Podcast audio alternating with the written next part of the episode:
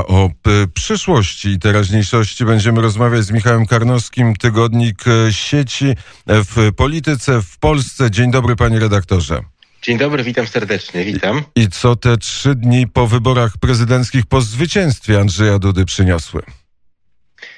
O, to w ten sposób spoglądamy. To, to rzeczywiście ciekawe spojrzenie, ale bardzo mi bliskie, dlatego że mm, też uważam, że w takich momentach e, widać dużo, widać można powiedzieć jakby inaczej też, inne światło jest niż e, czy w kampanii wyborczej, która jest takim często sztucznym podniesieniem, czy też w normalnej codzienności, gdy inne rzeczy decydują.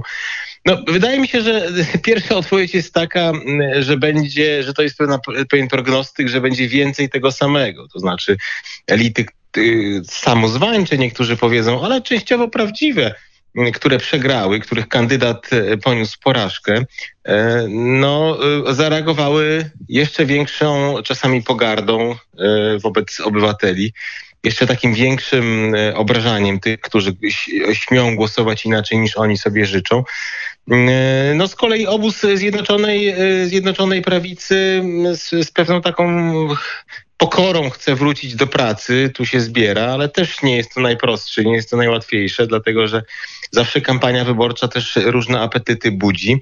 E, jest też jakimś momentem, w którym jedni idą w górę, zyskują na znaczeniu, potem by chcieli to znaczenie przełożyć na codzienność, a to nie jest takie proste. To są inne logiki, inne porządki. Także wydaje mi się, że nie ma jakiegoś strasznego przełomu w tych dniach. Widać, że to nie jest tak, żeby ktoś był rozgromiony. W tym sensie to chyba nie jest Albo właśnie to może jest Grunwald, tak? No przeciwnik pokonany, ale wycofał się do Malborka. Także myślę, że to jest, e, to jest ten obraz e, rzeczywistości, ale też myślę, że z każdym dniem będą sobie wszyscy uświadamiali, jak, jakiej skali to była bitwa. Przed nami trzy lata, jeżeli nikt nie zwariuje, nikt nie, nie, nie, nie popełni jakiegoś głupstwa czy błędu, bez wyborów. Myśmy na antenie Radia Wnet wielokrotnie o tym rozmawiali, że to jest, to był wybór, który stoi przed Polakami który może zdecydować o, o, przede wszystkim o tym, czy skorzystamy z tej szansy na kilka lat stabilnego rozwoju, e, dynamicznego rozwoju, e, e, no, bycia pod władzą, która ma, czy z władzą, która ma ambitny plan budowy silniejszej Rzeczypospolitej. Pewnie, że nie zawsze to wychodzi i nie zawsze jest perfekcyjny, ale ma ten plan takie sytuacje, takie momenty w historii Polski nie były częste. Także wydaje mi się, że im dłużej będziemy od dnia wyborów, tym bardziej będzie narastała w różnych grupach świadomość, że rzeczywiście to była ważna bitwa, że te konsekwencje są faktycznie poważne. W kampanii e, pojawiło się, ale tak e, w tle e, i po cichutku słowo rekonstrukcja. Teraz jest ona, przechodzi na pierwszy plan, rekonstrukcja rządu. Czy coś na ten temat wiemy? No, ja myślę, że wiemy przede wszystkim, że no, te, też nic się nie zmieniło w pewnych sposobach medialnego rozgrywania prawda, Zjednoczonej Prawicy, a niestety także i używania przez różne frakcje tego obozu, no, tych mediów, które na co dzień czy w kampanii pokazują, że są absolutnie wrogie. Ja bym powiedział tak, że, że, że ciekaw jestem, jak długo zajmie polityką Zjednoczonej Prawicy. Części z nich, niektórym, ale, ale jakby bez jakiejś tutaj, bez jakiegoś poczucia, że nie wypada, no nie wiem, powrót na łamy gazet, które, które, czy gazety, która z prezydenta Rzeczypospolitej no prawie, że zrobiła pedofila i też to ani moja sprawa, ani, ani pewnie słuchaczy, ale no to trochę pokazuje, że te rozgrywki medialne się toczą i, i, będą toczone. Myślę, że, że są pewnie ambicje, żeby takiej rekonstrukcji dokonać, ale część z nich to są, proszę Państwa, całkowite bajki. To są pewnego rodzaju fikcje. No, ta wielotygodniowa opowieść o zastąpieniu, czy próbie zastąpienia może części Zjednoczonej Prawicy przez e, wchodzący do rządu PSL, w sytuacji, gdy, gdy, gdy w PSL-u nikt tego chyba nie chce, e, w sytuacji, gdy jest to bardzo trudne do zrealizowania, sprzeczne z dotychczasową logiką i, i, i programami i właściwie wszystkim, no bo PSL to jest formacja z jądra PSL-u, z, z jądra, przepraszam, trzeciej RP, a, a może i, i jeszcze PRL-u tak w dużej części, więc, więc to się na przykład kompletnie nie klei, więc ja podobnie patrzę na te opowieści o rekonstrukcji rządu. No, no nie, nie ma tabuna lepszych fachowców, którzy czekają za rogiem. No nie, nie, nie widzę tego. Tak? Nie ma sytuacji, w której ten rząd nie realizowałby postawionych przed nim zadań. Myślę, że pewne takie mm, zmiany wynikające z tego, no, że ktoś na przykład się zmęczył, y, ktoś gdzieś tam w czymś nie daje rady, no, są wyobrażalne. Y, ale to pewnie dalej w domenie no, osób nadzorujących, tak? Nie, nie ma wyborów, żeby połowę rządu wywiało do Brukseli i tak dalej i, tak, i tym podobnie. Także ja się nie spodziewam jakiegoś zmianu zasadni jakiejś zasadniczej zmiany układu sił. Myślę, że to są bardzo często e, takie elementy uprawiania polityki niż opisywania polityki, te wszystkie analizy, że to są rodzaje dźwigni, którymi e, próbuje się komuś pozycję mm, odebrać, osłabić czyjąś pozycję, kogoś wzmocnić, budując rzekomo e, opowieść o tym, że idzie w górę. To są czasami plotki, czy nawet artykuły warte dużo pieniędzy, bo ktoś tam prawda, coś zyskuje. Ale, e, ale wydaje mi się, że w, w sferze realnej znowu no, no, no nie widzę tabuna ludzi, którzy by czekali za rogiem, żeby być, nie wiem, no, lepszym ministrem od tego czy od tamtego takie korekty mogą się zdarzyć, ale mm, ja bym się nie spodziewał no, czegoś poza pewną merytoryczną e, korektą, nawet gdy, nawet jeśli założywszy, że prawdziwe są ambicje niektórych, żeby to dokonać, ale to nie jest takie proste. No, w rządzie de facto koalicyjnym to nie jest takie proste. E, czyli e, nie czytać z wypiekami informacji na temat rodzącej się wielkiej koalicji, do której przystąpi i Konfederacja, i PSL.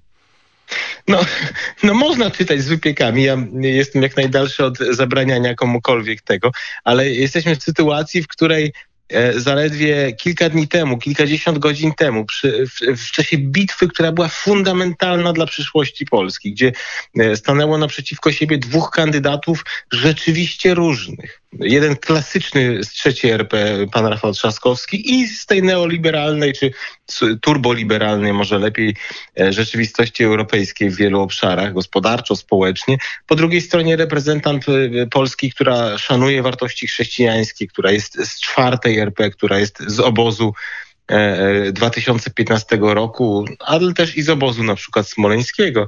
E, no i, i, i Konfederacja wtedy powstrzymała się przed zagraniem czymś takim, a mogła wtedy dużo wytargować. PSL się przed czymś takim powstrzymał, a nawet obie te formacje ucinały jakiekolwiek sygnały płynące ze struktur oddolnych, e, gdzie ktoś próbował wesprzeć tego kandydata. No, na przykład duży mam szacunek do Stowarzyszenia Marszu Niepodległości, do ich, do liderów tego stowarzyszenia, którzy, którzy powiedzieli, nie, no to nie jest prawda, jak mówi pan Krzysztof Bosak, że nam jest wszystko jedno, że to jest żaden wybór. To jest fundamentalny wybór. W przypadku PSL-u no były struktury, chociażby Biała Podlaska, terenowe e, PSL-u, które mówiły, e, my chcemy Andrzeja Dudy. No to natychmiast się odzywali e, działacze tacy jak pan Kalinowski, pan Jarubas, którzy mówili w życiu, po prostu nic nam, nic nas z Dudą nie łączy. To są według mnie za duże rozkroki, za duże rozwarcia tych nożyc pomiędzy nie wiem, ochotą, pragnieniem e, kogokolwiek, e, czy kogoś tam, żeby ich wciągnąć do rządu, a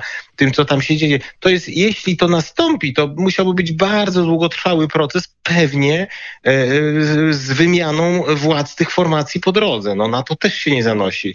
Także mm, ja no, sądzę tak zimnym okiem patrząc, że wielu być może o tym myśli, wielu ma z tym jakieś nadzieje związane, ale jak to zrobić, jak utrzymać większość parlamentarną w, w, w takiej sytuacji, jakby się układała współpraca z tymi nowymi, czy naprawdę byłaby lepsza niż z częścią starych, no, radziłbym niektórym, jeśli rzeczywiście ktoś o tym marzy, żeby sobie wiadro zimnej wody na głowę wylać i się tak po prostu zastanowić. I moja teza jest taka, że Zjednoczona Prawica wygrywa wtedy, ma wtedy sukcesy, jest przez ludzi ceniona, gdy działa e, w taki sposób pokorny, e, ale też wspólny, gdy wszyscy rozumieją, absolutnie wszyscy, że to jest koalicja. Zjednoczona Prawica jest dużą koalicją i każdy, kto spróbuje ją rozbić, popełni po pierwsze duży polityczny, ciężki grzech, E, także moralny w jakimś wymiarze, a po drugie ryzykuje skutecznością, bo lepszego mechanizmu e, może się nie udać zbudować. To zawsze ja jestem zwolennikiem tezy, że jak coś e,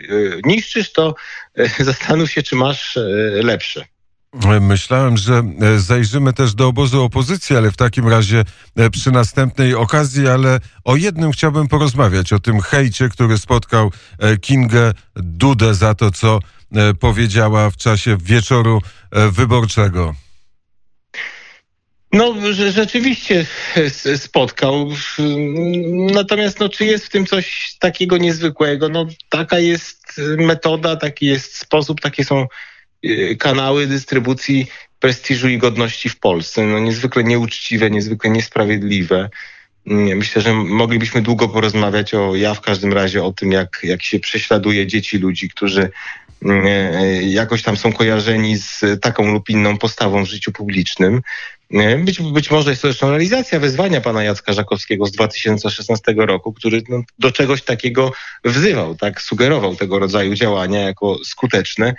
Ale ja myślę, że klasa mm, pani, pani Agaty Kornhauser-Dudy, pani Kingi Dudy, mm, że ona jest w jakiejś mierze chyba no, dobrą tutaj odpowiedzią. Tak? Ja myślę, że, że, te, że ten hejt tym ludziom, którzy to organizują, gdzieś tam utyka w gardle. A paradoksalnie, na przykład jak spojrzymy na pana Tomasza Lisa, no to jesteśmy mu e, jako, mm, jako ludzie no, ceniący e, pewien kierunek rozwoju Polski, e, chyba powinni, jesteśmy, powinni, jesteśmy mu coś winni, powinniśmy być mu wdzięczni. Ja już mówiłem kilkakrotnie, ale można powtórzyć i należy powtórzyć. No, bez redaktora Tomasza Lisa nie wiemy, jakby się potoczyły te wybory.